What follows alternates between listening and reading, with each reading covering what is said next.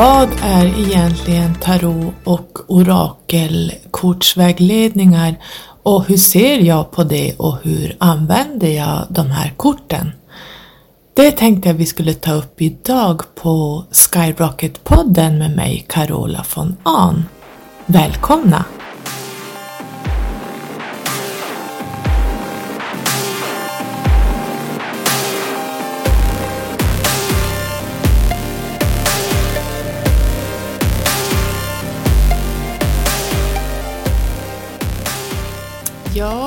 Tarot har ju verkligen gjort eh, en comeback nu hos allmänheten. Det är inte bara de här mystiska spådamerna som sitter inne i tält som håller på med tarot utan det är i, var, i vartenda hem snart kan man säga. Det är lika vanligt som att ha en vanlig kortlek hemma.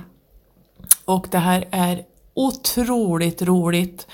Det är inspirerande, det är lite mystik, det är lite grann personlig utveckling för att du lär känna dig själv först och främst ska jag vilja säga. Tarot är jättebra att börja med när man vill lära känna sig själv. Vi hoppar väl in direkt då eh, valet av tarotlek Alltså den, den kortleken man använder och det finns ju en uppsjö av hur mycket som helst där ute. Och här kommer intuitionen in, vad ska man välja? Och som jag sa, intuitionen, låt den välja åt dig. Det är ju så här att det finns tarotlekar som jag känner att man inte ska ha hemma och jag har gjort ett Eh, blogginlägg och även på Instagram skrivit om den kortleken som är skriven av en viss Alistair Crowley. Eh, läs på om honom innan du köper en sån tarotlek för att den kände jag utan att jag visste ett jota om tarot så när jag hamnade på den leken så fick jag ett motstånd som var väldigt aggressivt och jag kände att nej, den där skulle jag inte ha. Fast jag blev rekommenderad att köpa den men jag kände nej, den, den, den resonerar inte med mig överhuvudtaget. Så känn efter eh, vad ditt inre dras till. Och ett litet tips är att titta på bilderna för mig ska det vara väldigt symboliskt, det ska vara objektivt, det ska vara klart, det ska inte vara en massa eh, jag tycker inte om såna här eh, röriga, eh, jag har ju skrivit om det här så det går bara gå tillbaka och titta på de blogginläggen om just eh, vad jag anser, eller vad jag dras till när det gäller tarot. Och jag måste kunna utan problem läsa av vad det är jag får upp för någonting. Jag ska kunna se med en ögonkast att wow, nu kommer det här. Istället för de här röriga, hemska, fula, alltså en del tarotlekar, jag är ju grafiker så att jag, jag tittar ju mycket på det här, jag ser det här andra inte ser. Jag kan inte förklara det men det måste vara rent, jag kan inte säga det på något annat sätt. Så att eh, jag valde A E. White. Eh, hans, eh, det är ju original eh, ursprungs tarotleken så att den är jättebra att börja med.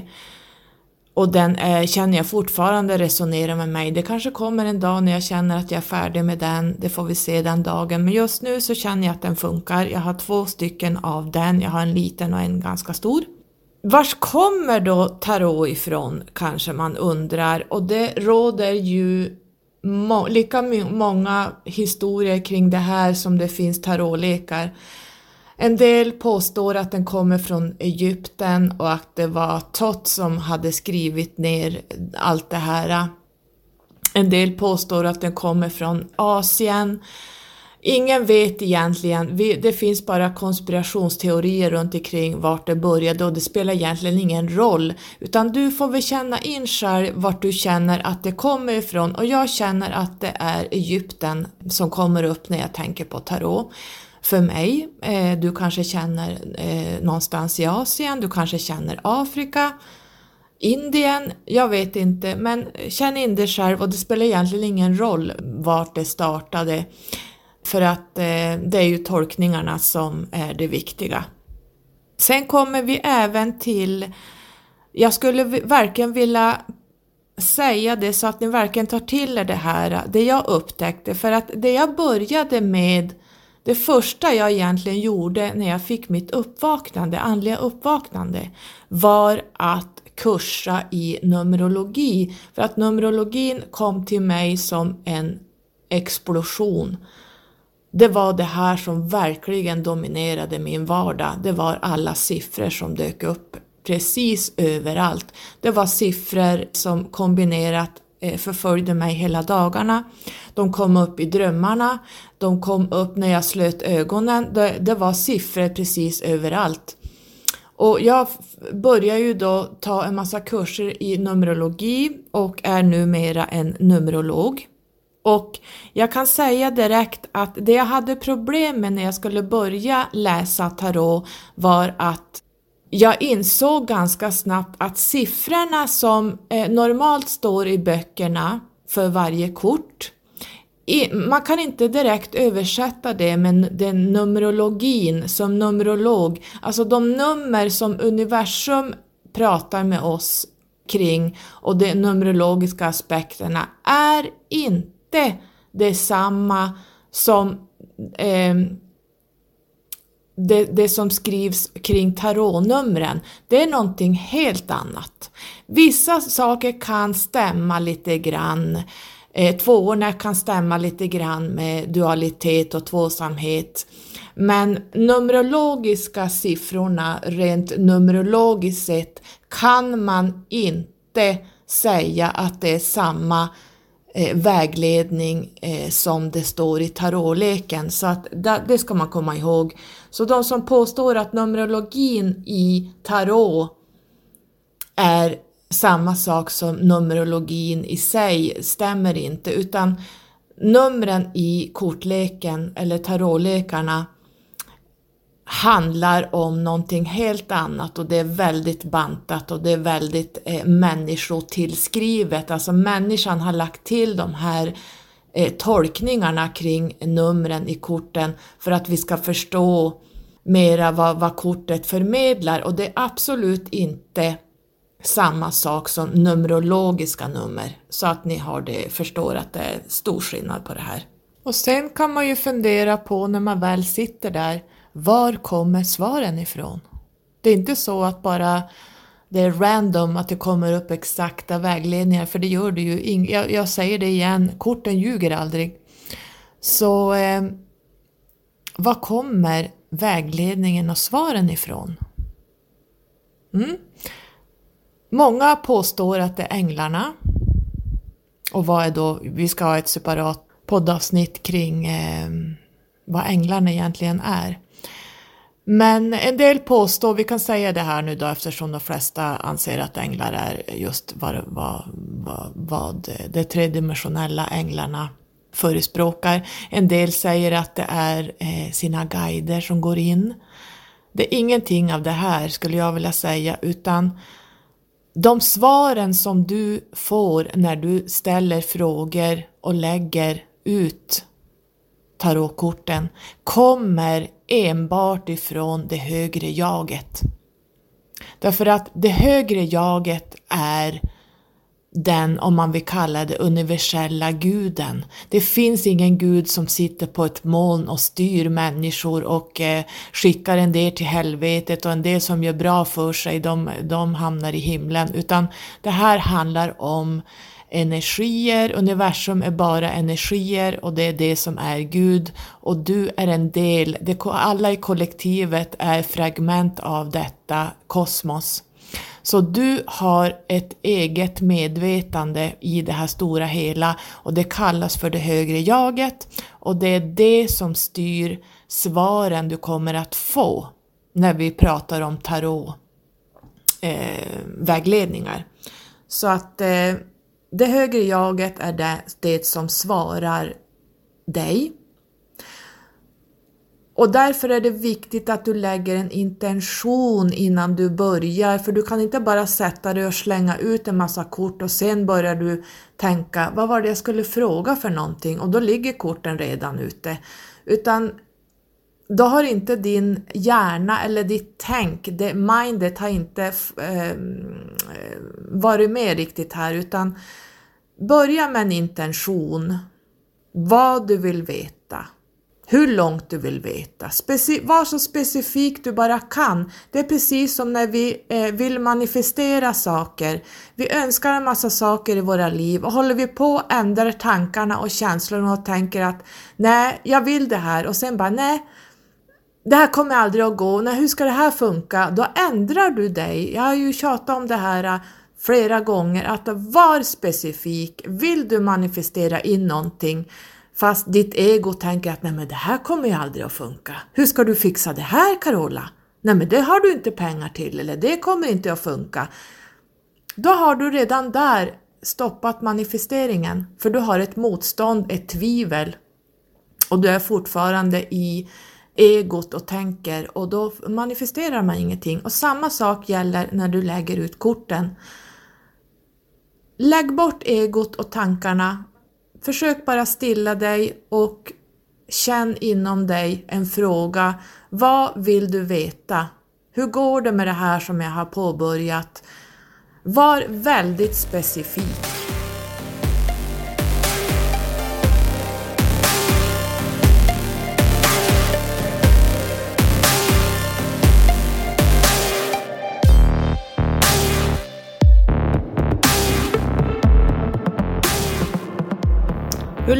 Ska man få sina vägledningar tidsmässigt?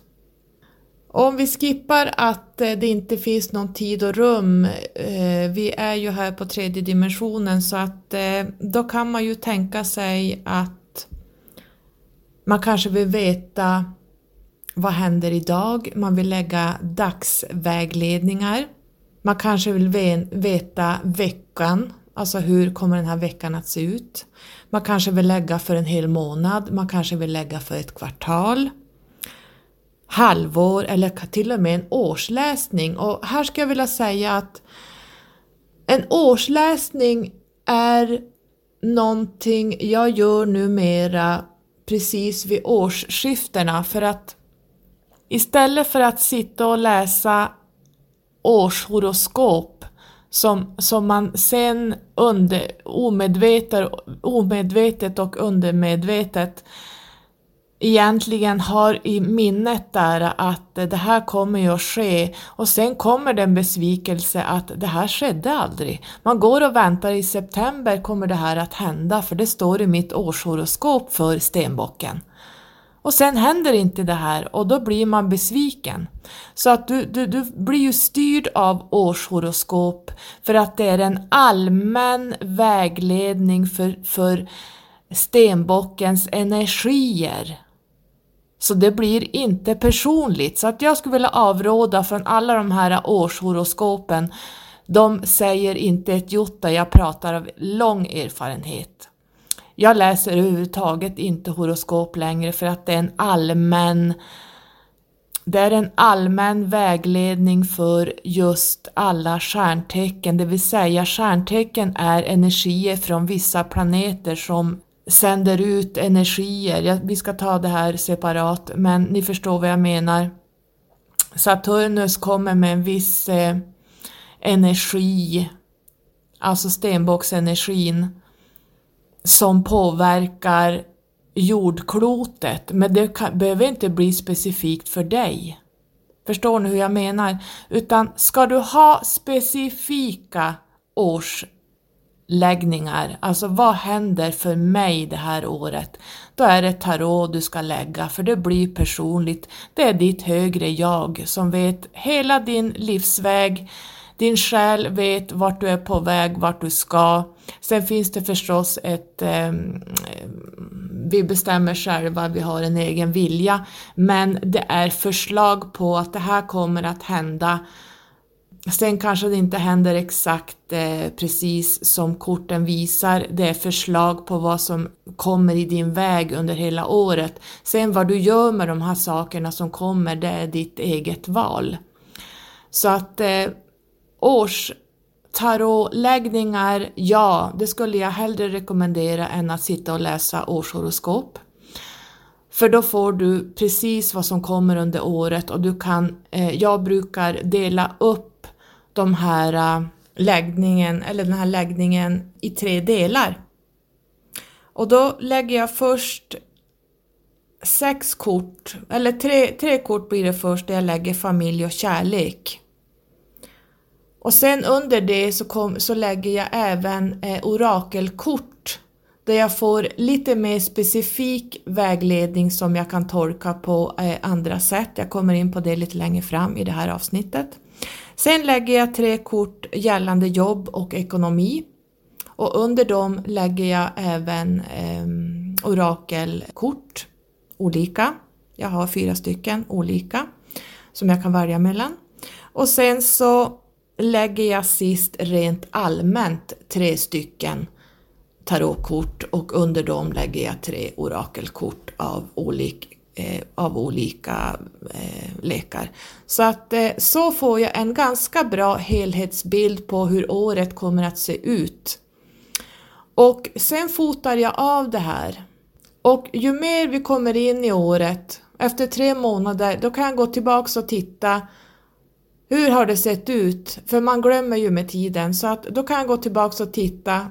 Och då blir det så här äh, wow, aha-känsla, yes, det stämmer allting som har redan har visat sig. Ehm, så att eh, man delar som upp eh, året i, jag delar upp det i fyra sektioner. Hur, hur det kommer att se ut. Så att eh, det, det är väldigt bra att eh, göra, eh, ta, göra liksom i, vid årsskiftena när vi, när vi skiftar år.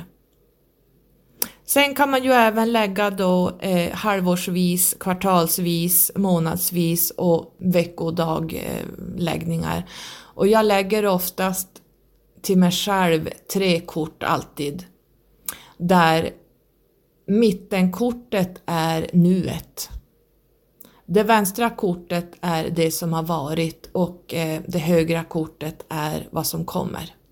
Och istället för att lyssna eller läsa på årsastrologi för ditt stjärntecken så det man med nästan 95 procents eh, rätt, alltså rätt väg så att säga, jag vet jag hittar inte ordet just nu.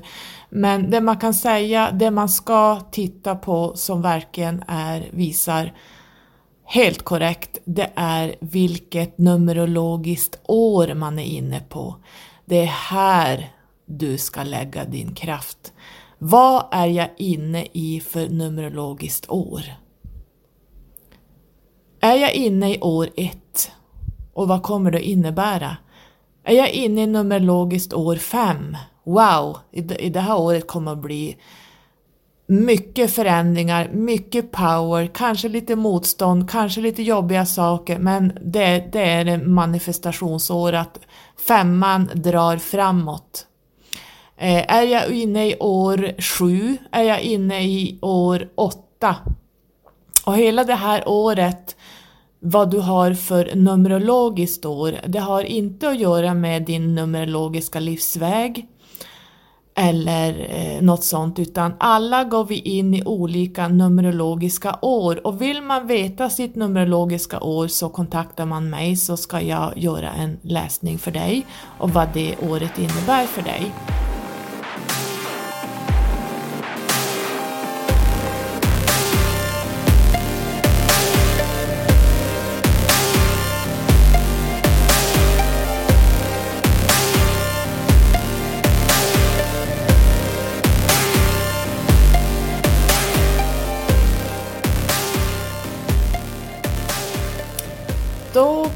Vi till eh, det omtalade och omdiskuterade sättet att lägga på, kort på om, om man blandar kortleken så att man har upp och nervända och eh, uppåtvända kort.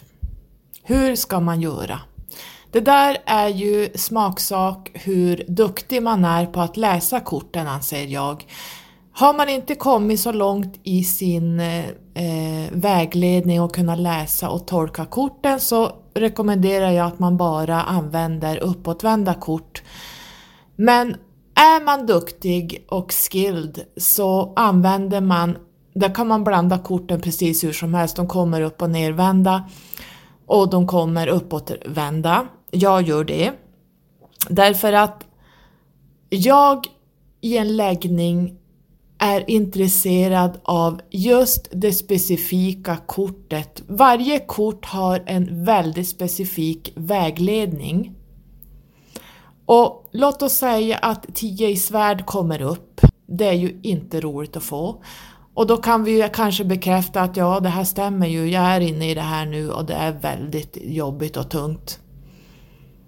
Men dyker det här kortet upp sen som upp och nervänt så betyder det motsatsen. Och Använder jag bara uppåtvända kort då kommer ditt högre jag att eh, när du är ute ur det här 10 i svärd, att du har gått förbi det, du har varit här och jobbat på kanske några veckor, månader. Så när du är ute från 10 i svärd så väljer ditt högre jag att skicka in ett annat kort för att visa att du är ute ur det här nu. Eh, så att du förstår att ja men nu kommer det ljusare tider. Men jag är mer avancerad och specifik. Jag vill veta lite mer om 10 i svärds motsats. Så när 10 i svärd dyker upp igen, upp och ner, då kan jag gå tillbaks och tänka okej, okay, det här 10 i svärd kom upp för en månad sedan eller tre månader sedan och nu dyker det upp, upp och ner. Då har det en motsatsbetydelse. Och jag är ju inte intresserad av att få in ett annat kort som har en helt annan betydelse utan jag vill veta vad hände med den här jobbiga perioden i 10 i svärd. Då får jag en tolkning när det läses upp och ner vad som har vänt, vad som har gjort att jag har kommit ur det här. Det, det är så djupa tolkningar så att jag förstår att de som inte klarar av att använda upp och nervända kort kan tolka det här utan man väljer istället att få in andra kort som styrker att ja men nu är du ute i det här, nu kommer det lite mera glädjande kort. Men för mig är det inte att vara så avancerad tarotutövare utan jag använder båda sidorna av varje kort för varje kort för mig är väldigt specifikt. Jag skuggar inte bara igenom och läser eh, fyra rader eller fyra specifika saker vad kortet står för utan jag ska veta på cellnivå, kvantnivå, vad står det här för? Hur har processen varit och hur tog jag mig ur det? Det är därför vi som använder upp och nervända kort använder just upp och nervända kort blandat eh, i kortleken. Så att vi kan, man blir duktigare på att läsa varje korts upp och nersida. Man kan säga det lite eh, yin och yang, man kan säga det lite, varje kort har motsatser. Det står för en viss sak men det finns även en motsats till samma kort. Så att därför använder jag upp och nervända kort och jag blir ganska duktig på att läsa varje kort med, i, i och med att jag gör det här. Men de som inte känner att de klarar av att läsa upp och nervända kort, det är helt okej. Okay. Fortsätt att jobba med uppåtvända kort och då kommer du att få in andra kort som visar att du kanske är ute ur en sak. Låt oss säga att du, du kanske får två i bägare, jätteglädjekort, liksom här är ju kärlek och en partner eh, på gång. Eller du är i en sån relation. Och sen kommer två i bägare upp och ner.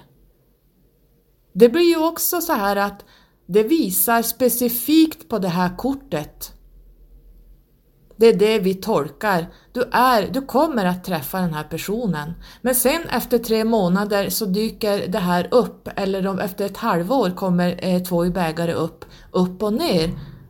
Då vet du att istället för att ta in andra kort som ska tolka det här eh, att den här relationen kommer att ta slut, så vet du precis att när det här två i bägare kommer upp, upp och ner, då är det motsatsen till vad det upp, uppåträtta kortet visar. Så därför blir det specifikt istället för att ta in andra kort som du ska tolka att den här relationen kommer att ta slut. Och då kan det, det här misstolkningarna kommer in.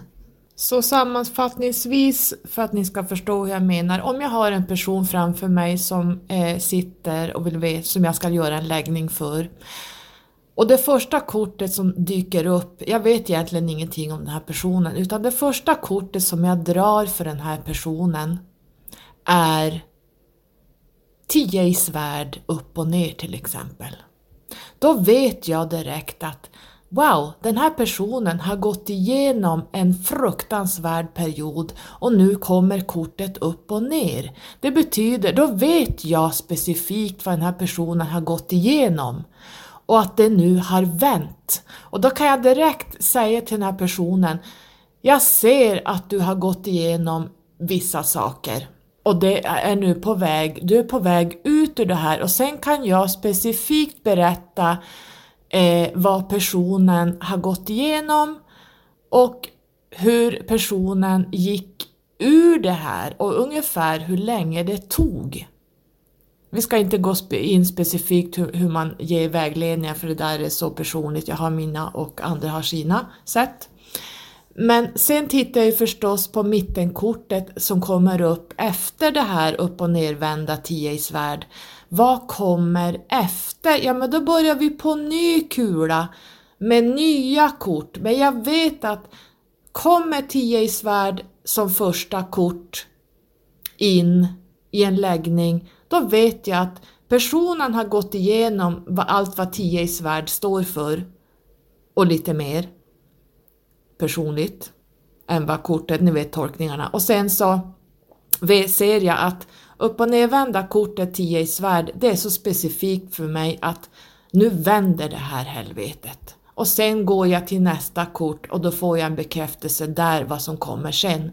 Och då förstår ni liksom varför jag lägger blandat upp och nervända kort och det är för att jag vill ha djupare tolkningar som man förstår på ett helt annat sätt än att bara lägga uppåtvända kort, för det säger egentligen mig ingenting. Där hoppar man från eh, tio i svärd till någonting annat utan att förstå, va, oj, vad hände däremellan?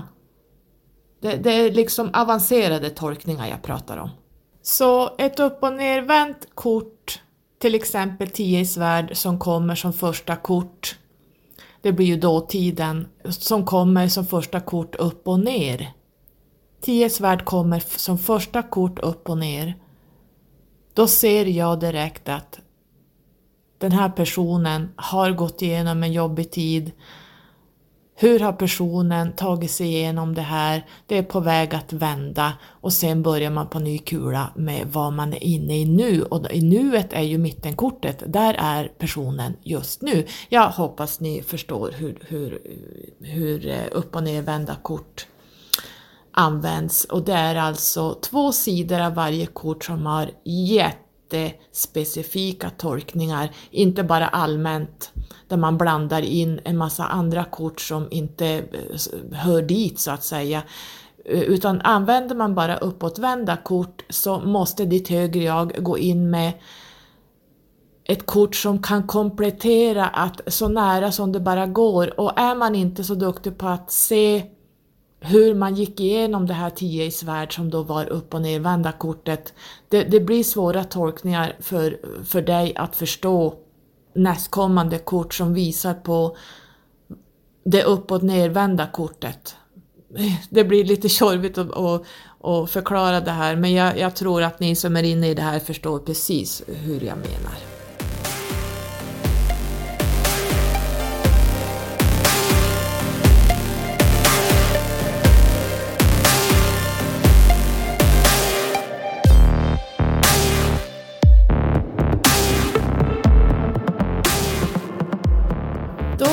Det någon som har frågat eh, måste, är man medium om man lägger tarot och eh, vägleder kring tarot? Svar nej. Alltså, ditt högre jag är det som styr korten. Och när jag lägger för någon annan så frågar jag alltid den personens högre medvetande om det är okej okay att jag läser av personen. Ibland har jag faktiskt fått nej och då har personen fått gå hem för att eh, det har funnits en blockering där att man vill inte egentligen veta. Och det här kan även bli när man kanske är i början av tarot, att man ska lära sig läsa tarot och man vill gärna prova på andra. Och när man då liksom plockar in folk i sin närhet, vänner eller så vidare som säger ja, ah, får jag lägga, får jag testa på dig?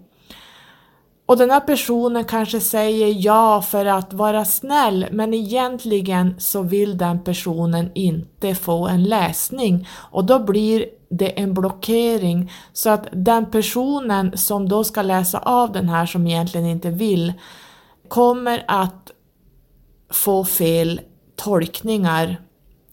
Oftast blir det dina egna tolkningar du gör. För det, det, går tillbaks till dig. Du, men det här vet ju alla som är, och här, här tror jag också alla som är andliga och mediala märker av om man får kontakt med den personen man ska läsa av deras eh, högre jag eller inte, om man får gå in i deras eh, medvetande. Eh, det där känner man och eh, nej, svar på din fråga, du som har skrivit om det är medium som, man måste vara ett medium, vad är egentligen ett medium? Ja, det där kan man ju tolka hit och dit. Ett medium för mig är en person som kan läsa av en annan människa utan att använda kort. Förstår ni? Alltså ett medium behöver inte använda redskap för att kunna läsa av en annan person. Det, det, är skillnad med att vara ett medium och vara en tarotutövare. Utan eh, lägger man tarotvägledningar eh, eller läser för andra så behöver man inte vara ett medium utan det är korten som visar vad som kommer och vad som är och vad som har varit. Det, beh det har, behöver man inte vara ett medium, utan ett medium är en person som inte behöver kort för att tala om saker och ting om och runt omkring en annan person. Där har vi skillnaden med, med, med eh, tarotläsningar och eh, mediumskap.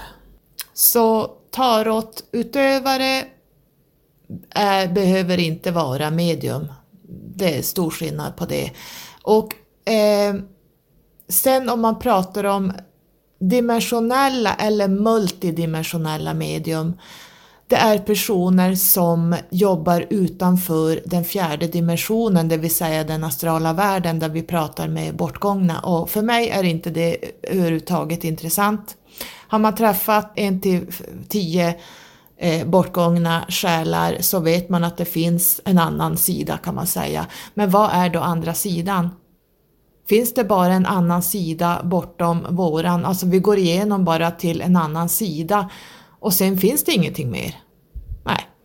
Utan ett dimensionellt och multidimensionellt medium är en person som klarar av att ta in dimensioner och entiteter, varelser, ljusvarelser, utomjordingar från betydligt högre dimensioner och eh, universum än vad ett normalt medium klarar av.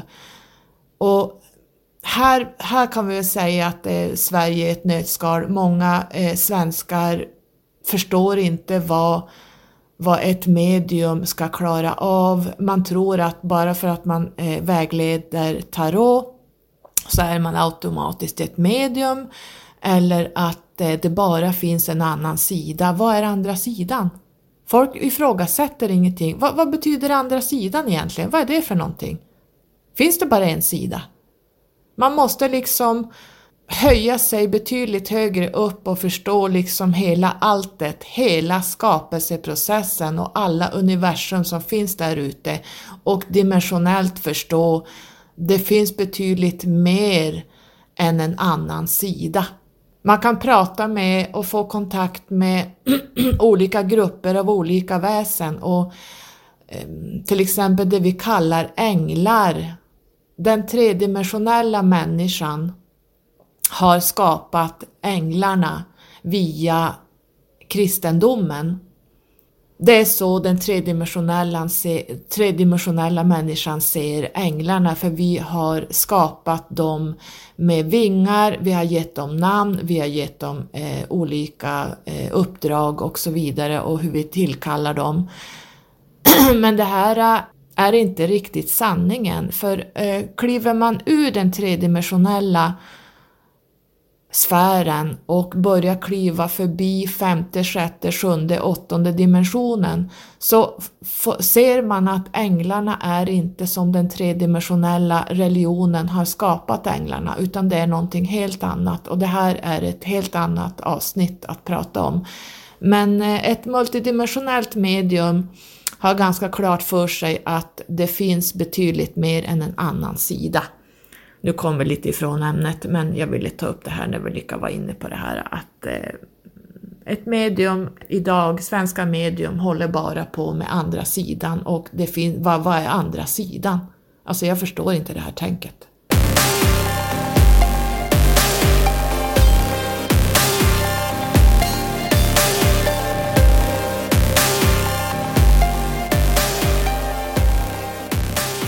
Kommer vi till nästa sak och komplement till tarot och det är ju omdiskuterade orakelkorten, änglakort. Ursäkta. Det finns ju en hel uppsjö av orakelkort och det är egentligen ett samlingsnamn för både änglakort och numerologikort och allt vad det nu kan vara. Och de här korten har jag haft lite problem med i början för att de styrde mig eh, att inte använda min intuition och det högre jaget utan det är lite shortcuts, alltså är man inte så duktig på att läsa tarot då kan man använda orakelkort för där får man ett svar som står specifikt under varje kort. Du får en direkt vägledning att Ja, nej, du kommer eh, inom tre månader kommer det här att hända och det, det, är specifika svar och det är jätteenkelt om man är ny att använda orakelkorten för att de, det är lite spot on kort. Du får en direkt vägledning på en, en fråga, du får ett direkt svar att pang, så här ser det ut. Och jag la bort mina orakelkort i ganska många månader Eh, vill inte använda dem för att jag vill inte bli styrda av vad som står och det spelar ingen roll vad jag, om, men jag tänkte så här, men jag försöker att inte titta på vad som står under varje kort utan jag tittar på bilderna. Jag tyckte inte att de bilderna gav så mycket egentligen utan jag la bort de här eh, och jag jobbar ju med då Work Your Light med Rebecca Campbell. Eh, det är ett måste i hemmet för din personliga utveckling. Sen har jag även Angel Answers med Doreen Virtue, Viritue, jag vet inte hur, hur hon säger sitt efternamn. Sen har jag Numerologi Guidance Cards och sen har jag en eh, till som heter Angel Arium. Alla de här uh, står för olika saker så att om man tar The Work Your Light med Rebecca Campbell så har man även läst den boken så förstår man att det här handlar om din personliga utveckling på kvantnivå. Det handlar om var du har tillbringat tidigare liv, hur din själsgrupp fungerar vad, och vilka som kanske är din själsgrupp. Den är väldigt, väldigt bra. Jag har inte ännu använt alla kort, jag missbrukar inte den här utan jag tar fram den vissa punkter i mitt liv när jag behöver få veta, få lite bekräftelse för vissa komplement till vissa tarotkort som kommer upp. Änglakortleken här, den har jag använt av och till. Här ska man veta att eh, nu har vi inte gått in på vad änglarna egentligen är, så jag ska inte gå in så djupt i det här, men att vara lite försiktig med, den, med de eh, orakelkortlekarna för att du kan få in sånt som inte, du kan få in astrala väsen som pratar med dig som inte är vad den tredimensionella människan kallar änglar. Utan jag har varit med om att eh, jag hade en ganska lång dialog med den här kortleken och jag ställde specifika svar på vissa frågor så vi hade väldigt lång dialog. Ett exempel på det är att jag ställer en specifik fråga och så säger jag att jag endast vill ha ja och nej svar. Korten har, eller leken har 44 kort. Och i den här leken finns det två ja-svar och två nej-svar. Alltså fyra kort ja och nej. Resten är då 40, 40 kort är, handlar inte om ja och nej-svar. Så jag blandade kortleken omsorgsfullt inför varje fråga. Och jag sa att jag vill ha ett ja eller ett nej-svar. Och det enda som kom av de här 44 korten är ja eller nej-svar. Det kom inte upp några andra kort, utan det enda som kom efter tio frågor var ja eller nej-svar. Jag blandade, jag kuperade, jag la i högar, jag blandade och ändå kommer det upp ja eller nej-svar. Så här är ju ett ganska starkt bevis på att man eh, blir vägledd utanför, det är inte ditt högre jag som, som eh, styr dig och vägleder dig här, utan det kommer de här orakelkorten, i alla fall de här änglakortlekarna, är inte ditt högre jag som, som eh, vägleder dig utan det kommer utifrån dig. Det kommer alltså, tarot kommer inifrån dig, men ora, eh, många orakellekar kommer eh, från andra väsen utanför dig. Och den här gången när jag la de här tio frågorna och varje, efter varje omsorgsfulla blandning så kommer det ja nej svar, för jag krävde bara ja nej svar, jag, jag ställde specifika frågor. Och till slut så förstod jag att den som svarade mig var inte av eh, vänlig karaktär. Eh, jag ställde frågor som jag visste sanningen på och, när, och de här svaren jag fick var inte sanna. Och då förstod jag att det här är inte änglarna som, eh, det vi kallar änglarna, är inte de som svarar utan då la jag bort den här eh, änglaleken ganska länge och jag var tvungen att göra en stor rensning i min aura, jag var tvungen att göra en rensning kring eh, hela den här eh, kortleken och hur man rensar och eh, rensar sin aura blir ett annat eh, poddavsnitt. Men jag fick, eh, eh, man ska vara lite försiktig när man lägger Tarot är ganska säkert, det, det ska jag säga, det, det, är ditt eget högre jag som, som vägleder dig. Men alla orakelkort är inte kommer inte vägledningar från det vi tror kommer in. Så att eh, därför ska man vara lite försiktig och, det, och, dessutom så blir du precis som när vi läser astrologi så blir du styrd av texterna som kommer i varje kort. Och då kan det vara så att det ligger något annat väsen bakom som inte har så goda intentioner utan lurar dig fram och tillbaka. Och det här märker man av om man är andlig och multidimensionell så märker man av vad det är som kommer in i korten. Så att, eh, men är du, och det här är ju liksom hur man ska säga, det här är ju learning by doing, alltså alla måste vi gå igenom de här faserna för att bli duktiga. Ingen är duktig från början utan allt har en utveckling och ju mer motstånd och helveten du stöter på desto duktigare blir du för du lär känna av vad är det för energier som kommer in och vad är det, vad är det jag pratar med. Så att eh, orakelkort är ett bra komplement när du är duktig tarotutövare, när du kan hantera korten uppåtvända och nedåtvända. Då är du ganska eh, redo för att ta in orakelkorten för att tolka dem, för att och inte bli missledd så att säga. Det, det, är min egen erfarenhet. Det finns säkert de som skriker högt här och säger nej, det där stämmer inte. Då är det så för dig. Men det kommer att komma, ju mer du jobbar med, med korten så kommer du att inse att wow, det här var inte riktigt bra. Eh, jag kanske inte haft rätt väsen som har väglett mig här. Eh, så att eh, man blir mer och mer vaken ju mer man, man håller på med, med det här så att eh, jag vill bara säga det för, för en liten varning. Och jag frågade specifikt när jag började märka att det var lite konstigt, så jag frågade specifikt Är det änglarna som vägleder mig här? Och jag blandade korten omsorgsfullt, jag kuperade, jag blandade, jag la i höga, jag blandade igen och då fick jag svaret nej. Nej, då kände jag att det stämmer nog ganska bra för det kände jag att det var det inte. Så då ställde jag nästa direkta fråga. Är det mina guider? Och jag blandade omsorgsfullt, gjorde om samma procedur och får svaret nej. Nej, är det min Hopi Tribe som vägleder mig? Nej.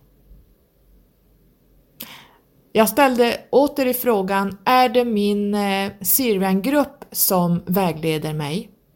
Nej.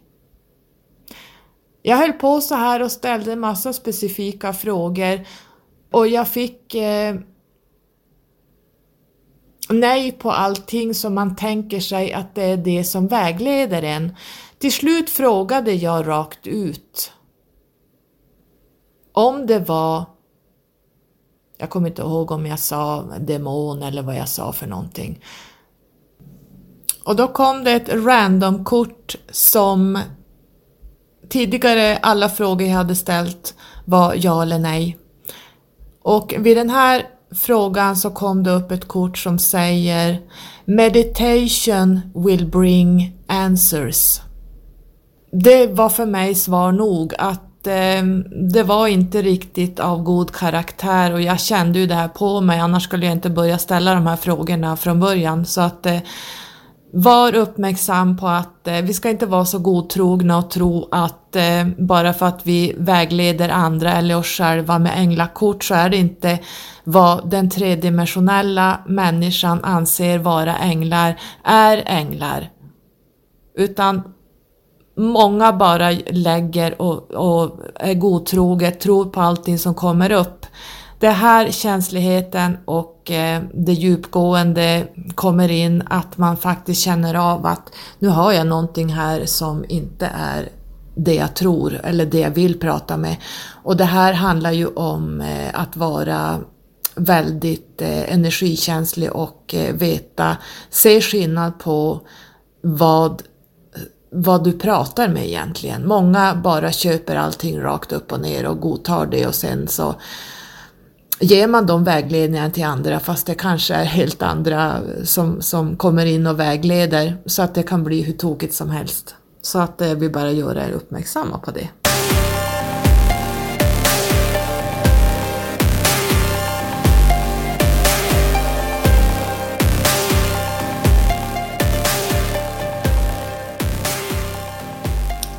Då har vi snabbt dragit igenom eh, tarot och eh, orakelkort lite snabbt här. Man kan ju som sagt prata om det här i flera timmar och gå in djupgående för varje kort. Det tänker jag inte göra för att eh, tolkningarna av korten är personliga så det är ingenting man kan säga rakt av. Men eh, jag har mina tolkningar och jag vill understryka att eh, numerologin som är i korten det vill säga siffrorna på varje kort, är inte detsamma som, som Numerologi, så att man inte blandar ihop Numerologi och eh, siffrorna på korten, för det är helt olika tolkningar. Många använder eh, och säger att det är Numerologi i korten, men det är inte eh, Numerologi, äkta Numerologi, utan det är människan som har skapat de här siffrorna för att få eh, korten att eh, passa ihop med varandra så att man ska veta ungefär var man är någonstans i, i utvecklingen i livet. Sen vill jag också säga att eh, jag har börjat jobba lite grann med kartomanti, alltså vanliga eh, spelkort. Och det är väldigt speciellt. Eh, jag kanske gör ett, in, ett poddinlägg om just vanliga spelkort. Jag har inte hunnit så långt ännu, jag har bara börjat testa lite grann och de funkar rätt bra faktiskt. De är väldigt enkla. Så att de ska vi prata lite mer om när jag känner mig mer säker på det.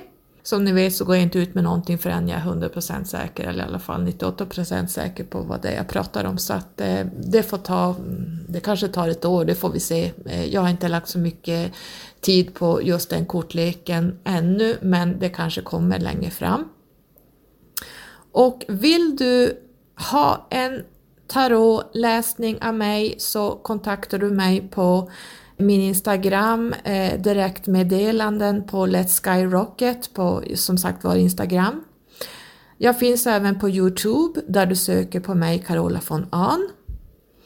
Jag finns på min faktablogg som heter myawakeningblogg.se. Den står stilla och as we speak håller jag på med min .se-sida och eh, jag jobbar i ett nytt program som heter wordpress.org och i ett eh, specifikt byggprogram som heter Elementor och eh, med en massa plugins så att det är ju att eh, samla ihop min Syriangrupp här för att få eh, mycket hjälp. De är väldigt tekniska så att utan dem hade jag inte kommit någon vart för det är en helt ny miljö för mig att vara i där man skapar allting från scratch.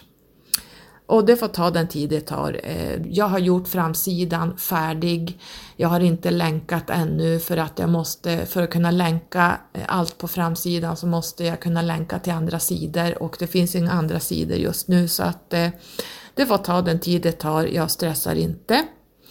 Och sen finns jag även på Pinterest och Pinterest är ju den största inspirationskällan som finns där ute. Så eh, där kan man titta omkring på alla anslagstavlor jag har där så bli medlem på Pinterest. Om än du inte har en, en eget Pinterest-konto så kan du gå med och titta och få inspiration på allt som finns där ute vad gällande precis allt. Det finns precis allt. Så att det är ett bra sätt att få inspiration på och där söker du även på mitt namn.